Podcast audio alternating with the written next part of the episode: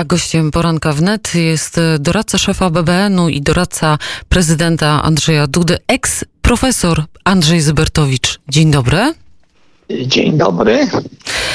Panie profesorze, Nie, nie, nie, eks-profesorze. panie eksprofesorze należy się. To może tak. wyjaśnijmy Postęp- słuchaczom. Proszę postępować zgodnie z prawem. Dobrze. Wyjaśnijmy słuchaczom, dlaczego zmusza mnie pan e, do tytułowania się eks-profesorem. Ja mam wyjaśnić? Tak, dlatego że e, słuchacze dobrze. będą później protestować. Dobrze. Przez, przez wiele lat byłem profesorem Uniwersytetu Mikołaja Kopernika w Toruniu. Tak zwanym profesorem uczelnianym albo inaczej podwórkowym. Ponieważ e, w lipcu tego roku rozwiązałem za porozumieniem stosunek pracy z uniwersytetem, nie jestem już nigdzie zatrudniony jako profesor. W związku z tym jestem eks-profesorem, chyba żeby uznać, że jestem profesorem przez zasiedziałość, ale ponieważ nie ma takiej kategorii polskiej terminologii akademickiej, należy do mnie mówić panie eks-profesorze. I ja wyjaśniłam, e, dlaczego e, eks-profesor Andrzej Zybertowicz. Dziś e, z eks-profesorem Zybertowiczem chcielibyśmy porozmawiać o rzeczy, która oboje nas e, chyba bardzo interesuje. Mam takie pytanie, profesorze, na początek. Czy to możliwe, że e, społeczeństwo, że my widzimy różne informacje i to nas polaryzuje w kontekście tego, co się dzieje zarówno w polskiej przestrzeni publicznej, jak i tej światowej? Dopiero w ostatnich miesiącach eksperci na całym świecie zaczynają przyznawać, że polaryzacja polityczna nie wynika, jak niektórzy płytko myślący politolodzy twierdzili, z tendencji populistycznych, nacjonalistycznych czy innych, tylko ma podglebie technologiczno-biznesowe, a dokładniej analizy wykazały, że wzorce biznesowe Google'a, YouTube'a, Facebooka i niektórych innych platform komunikacyjnych wykorzystywanych przez miliardy, miliardy ludzi opierają się na polaryzacji. Na przykład algorytmy YouTube'a działają w ten sposób, żeby podpowiadać ludziom kolejny film, który o, po tym, jaki obejrzeli. Te algorytmy działają tak, żeby zwiększyć szansę, że ktoś będzie dłużej przebywał przed ekranem. I okazało się, że te algorytmy wyewoluowały w taki sposób, że gdy podpowiadały ludziom bardziej skandalizujące informacje, obsesje spiskowe, e, pomówienia na przykład e, kandydatki na urząd prezydenta pani Hillary Clinton o jakieś e, uczestnictwo w jakichś powiązaniach pedofilskich. Rzeczy, które czasami wydają się ab- absurdalne z punktu widzenia zdrowego rozsądku, ale do rozchybotanej, przeciążonej mentalności współczesnej trafiają. Facebookowi zarzucano, że jego algorytmy świadomie premiowały wpisy wypowiedzi, które wcale nie były prawdziwe, które były przerysowane, bo w ten sposób uzyskiwały e, ta firma i inne działające w podobnej zasadzie większą liczbę odsłon i przez to większe wpływy od reklamodawców. Były nawet przesłuchania kongresowe i pokazywano, że z jednej strony działały mechanizmy uzależniające od kontaktu z tymi mediami. Te mechanizmy zresztą w wielu aplikacjach, apkach smartfonowych występują, a z drugiej strony to był świadomy model biznesowy. Inaczej mówiąc, model biznesowy tak zwanych gigantów technologicznych w dużej mierze, być może dominującej, przyczynia się do polaryzacji politycznej, kulturowej i utrudnia porozumienie między różnymi grupami społecznymi. I tu e, wkraczamy w, e, w etap, kiedy trzeba zacytować liczby. Liczby wyglądają w ten sposób, że o ile nasz mózg ludzki, według badań naukowców, właściwie się nie zmienia od e, wielu już e, pokoleń, wielu e, tysięcy lat, e, według tego, co e, e, i tu w zależności od tego, jak będziemy rozmawiać naukowo, czy Pan Bóg nas stworzył, czy człowiek wyewoluował, mózg ludzki jest właściwie podobny, to e, wzrost e, pamięci i możliwości komputerów nastąpił o 6 bilionów e, razy. Zwiększyła się wydajność obecnych komputerów. Według e, badań MIT fake news na Twitterze rozszerza się 6 razy szybciej niż, niż fakt, czyli informacja prawdziwa.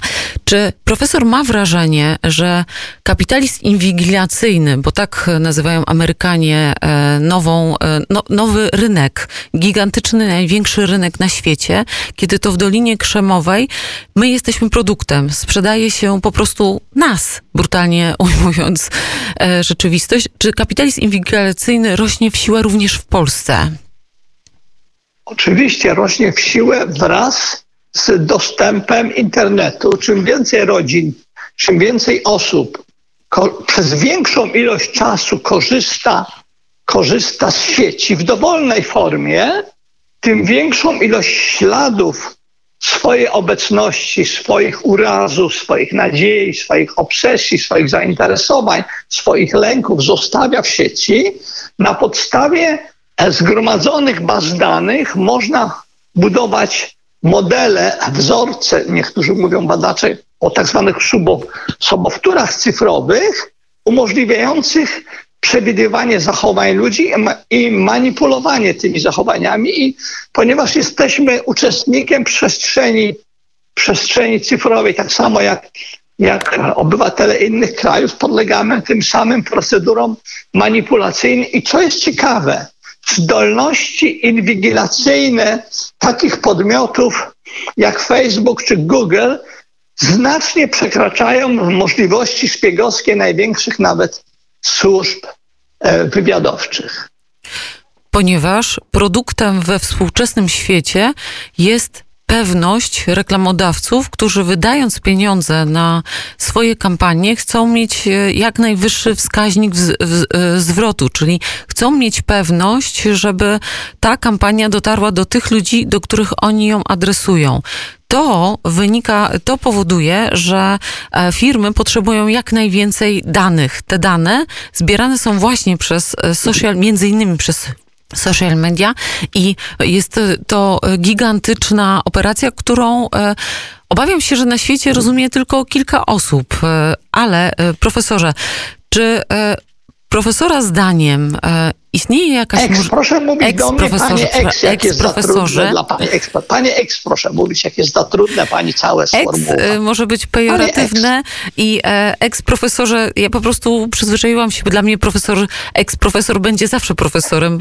Profesor po prostu był wielokrotnie moim no tak, przewodnikiem w różnych historiach. Wprowadza więc... pani kategorię tak zwanego Volksprofesora, czyli profesora ludowego z nadania Vox Populi, a ta kategoria nie jest kategorią prawną. Ale e, pytanie brzmi następująco: czy ta zmiana tożsamości, zmiana myślenia, zmiana zachowania, która następuje przez użytkowanie właśnie sieci, w tym głównie social mediów, jest dla profesora już e, uchwytna jako naukowca, eks-profesora? No, dla badaczy to jest uchwytne od szeregu lat. Mój zespół opublikował pięć lat temu, w roku 2015, książkę pod tytułem Samobójstwo oświecenia.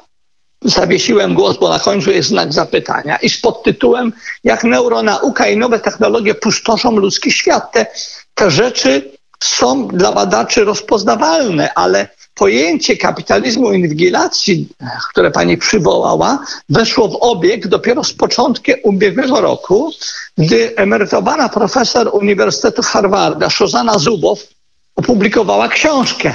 Capitalist of, nie, to jest surveillance czyli właśnie kapitalizm nadzoru albo inwigilacji. Ale ciekawe w tym wszystkim jest to, że nawet jeśli ktoś się z sieci wypnie, na przykład zlikwiduje konto na Facebooku, albo nigdy nie był podłączony do sieci, to znaczy nie miał nawet maila, to i tak informacje na jego temat wchodzą do sieci, bo jeśli, bo jeśli ktoś jest na imprezie towarzyskiej, gdzie ktoś robi zdjęcie grupy ludzi, wrzuca to na Face'a, czy na jakiś inny, na Instagram, czy gdziekolwiek, to tam systemy rozpoznawania twarzy tę osobę identyfikują, tagują ją i zaczynają gromadzić informacje na jej temat. Zasysane są także informacje e, z informacji, na przykład z, te, z kamer telewizji przemysłowej. I trzeba mieć świadomość, że jeśli 5G i tak zwany internet rzeczy ruszą, to liczba sensorów monitorujących ludzkie przemieszczanie się, wzorce zachowań sięgnie miliardów. I można być bardzo ostrożnym w poruszaniu się po sieci, albo się tam w ogóle nie poruszać, a i tak zostać przez sieć zasanym, opisanym i rozkodowanym. Ale e, to, e, jak, e, jak, te, jak ta era, bo tak nazywają ją naukowcy, era dezinformacji wpływa na nas, widzimy chociażby obserwując ostatnie dyskusje na temat rekonstrukcji rządu. Pana zdaniem co wywołują media w takim myśleniu przeciętnego Polaka, przeciętnego użytkownika, powiedziałabym zjadacza mediów, ale to jest nieeleganckie. Co y, taka e, giełda, e, te wszystkie informacje, które się, e, mm, które się pojawiają, mają na celu? Co one mają uzyskać? Zaraz powiem, ale najpierw pewna, pewne uściślenie. To nie dotyczy tylko sytuacji Polaków, umysłów Polaków, to dotyczy wszystkich ludzi, e, którzy mieszkają w krajach demokratycznych, gdzie istnieje pluralizm mediów, który przerodził się w ostatnich dwóch dekadach w hiperpluralizm, więcej, więcej kanałów informacyjnych niż ludzie są w stanie przyswajać, co powoduje, że media ścigają się o klikalność, słuchalność, oglądalność. I żeby to uzyskać, muszą, e, muszą ekstremalizować siłę bodźca. Żyjemy już w świecie informacyjnego przebodźcowania i wśród tych bodźców słowa i argumenty pełnią drobną rolę. Siła memów bierze się stąd, że ludzie chcą skróconych, skompresowanych informacji. I teraz proszę zwrócić uwagę, co się dzieje, gdy w jakimkolwiek kraju ktoś zapowiada rekonstrukcję rządu. Natychmiast dziennikarze ścigają się o tak zwanego newsa, czyli do tej informacje o tym, że ktoś będzie ministrem albo ktoś przestanie być ministrem, chwilę wcześniej dzień wcześniej, przed tym, zanim będą wiedzieli to wszyscy, a wcześniej, zanim to zostanie ogłoszone, na przykład w parlamencie, na przykład w konferencji prasowej szefa jakiejś partii. Proszę zwrócić uwagę, że e, e, szybsze zorientowanie się o faktycznej rekonfiguracji personalnej rządu tak naprawdę znaczenie istotne ma dla kilkudziesięciu osób które mogą tutaj jakoś zareagować, mogą kogoś wypromować lub komuś podciąć skrzydła. Dla pozostałych wszystkich osób to jest e, po prostu ekscytowanie się informacjami, które najczęściej są słabo rozumiane, bo nie jest znany kontekst tego wszystkiego i które nie mają większego znaczenia. Czasami te informacje mogą mieć znaczenie dla biznesu, bo pewne posunięcia w rządzie mogą mieć wpływ na notowania akcyjne, prawda? Ale dla ogromnej większości to jest ekscytowanie się plotkami, e, które przypominają tam tę ekscytację jeszcze ze czasów średniowiecza, gdy ekscytowano się informacjami o, o romansie jakiejś księżnej z, z jakimś wodzem. Ale problem polega na tym, że to jest teraz przemielone, zwielokrotnione miliardowo przez, przez miliardy bodźców, dźwięki, obrazy, quasi argumenty i tak dalej, gdzie setki dziennikarzy są zadaniowane przez swoich przełożonych, żeby zdobywać newsa, żeby uzyskać klikalność na kilka godzin, zanim się okaże, że ten news jest niepotwierdzony, fałszywy, że ktoś kogoś puścił w maliny, że, to, że puszczono zająca próbnego, żeby odwrócić uwagę. Media grając o, o to, żeby utrzymać się na rynku, puszczają informacje, zanim są w stanie je sprawdzić. Ludzie się nimi nakręcają. Badania, nawiasem mówiąc, wykazały, że e, w USA, że 60% osób, które szerują, czyli dzielą się informacjami z innymi, robią to bez zapoznania się z tymi informacjami. Tylko na podstawie lidu albo tytułu linku. Reagują niczym pies Pawłowa na pewien impuls. W efekcie mamy do czynienia z odwróceniem roli mediów definiowanych kiedyś jako czwarta władza. Oczekiwano, że te media będą prześwietlały kulisy polityki, żeby, żeby obywatel wiedział to, co politycy, Próbują często ukryć. działający w zmowie z biznesem, chcą Mhm. przed ludźmi ukryć. Obecnie media współtworzą taką nadprodukcję informacji, że przesłaniają rzeczywistość za nich, zamiast ją odsłaniać. Algorytm doskonali się z każdym dniem. Takie zdanie często wypowiadają ludzie, którzy się tym zajmują. A profesorze, a propos algorytmu i informacji, które ekscytują e, przestrzeń publiczną, prezydent podpisze ustawę dotyczącą ochrony zwierząt futerkowych, czy nie? No właśnie, ja sądzę, że na tym etapie prac nad tą ustawą to jest właśnie ekscytowanie się spekulacjami, przypuszczeniami, tworzenie fake newsów, bo prezydent wielokrotnie i jego ministrowie wielokrotnie powtarzali, że prezydent wypracowuje sobie stanowisko, to znaczy decyzję o tę ustawę podpisać, zawetować, skierować do Trybunału Konstytucyjnego, czy skierować do Trybunału Konstytucyjnego po analizie konkretnych zapisów. Przecież wszyscy znamy, przynajmniej moment, nie wszyscy, starsze pokolenie, panie redaktor, do niego nie należy, tak zwany kazus lub czasopisma, czyli relacje e, między środowiskiem e, Gazety Wyborczej i Lwem Rybinem, gdzie w tle była manipulacja ustawowa, polegająca na tym, że dopi- dopisanie do ustawy dwóch słów zmieniało jej konsekwencje dla biznesu. I teraz trzeba się. No, trwa proces legislacyjny, trwa demokratyczna debata, różne środowiska przedstawiają swoje punkty widzenia.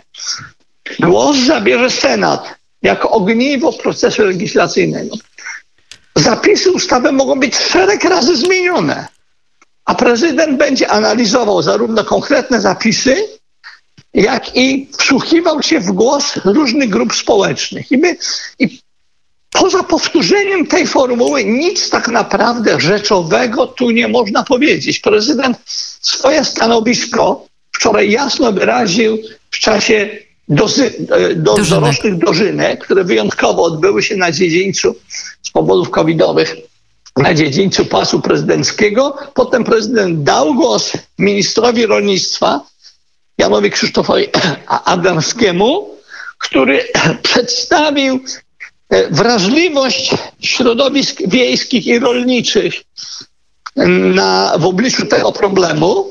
I to zostało jasno zarysowane. A wszystko, co będziemy na ten temat mówili do czasu skierowania tej ustawy do, na biurko prezydenta do podpisu, to, to będą właśnie przepychanki, plotki, karmie, karmienie się jakimiś e, wydumanymi e, przeciekami i tak dalej, i tak będzie uleganie tej potrzebie informacyjnego przebodźcowania, która pozbawia nas zdolności do spokojnej refleksji i odróżnienia tego, co ważne, od tego, co nieważne. To już ostatnie pytanie, profesorze, eksprofesorze. Czy eksprofesor O, o, widzi... Widzi pani, jak tak trzy razy jeszcze, jeszcze, jeszcze powtórzę, to się każdy przyzwyczai. Tak, więc eksprofesorze, czy e, eksprofesor widzi u siebie zmianę tożsamości, zmianę myślenia pod wpływem social mediów? Tak. Widziałem u siebie pewne objawy uzależnienia od Twittera. E, Wypiąłem, ni- nigdy nie zapiąłem Facebooka e, u siebie na smartfonie. E, Staram się Facebooka zaglądać tam dość rzadko.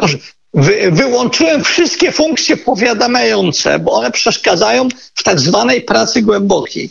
Stwierdziłem, jakby u siebie okresowe przeciążenia informacyjne pozbawiające mnie zdolności do, do głębszej analizy i, i jakby zarządzam sam dla siebie okresy abstynencji e, cyfrowej. I każdemu e, to polecam, da, potrafi dać zbawienne skutki dla zdolności cieszenia się kolejnym porankiem. To bardzo się cieszymy, żeby te abstynencje eksprofesora nie trwały zbyt długo, bo my jednak e, lubimy czytać i słuchać Dzisiaj profesora. niestety ma, ma, mam, mamy dzień medialny, dwa pojawienia się w kolejnych mediach, udział w panelu, A. spotkanie w kancelarii prezydenta, więc dzisiaj mam dzień hiperaktywności. To hiperaktywność. Życzymy dobrego dnia. Gościem państwa i moim był eks-profesor Andrzej Zybertowicz. Dziękuję profesorze, eks-profesorze. A rozmawiałem z panią redaktor Katarzyną. Wszystkiego Bardzo dobrego dziękuję. profesorze.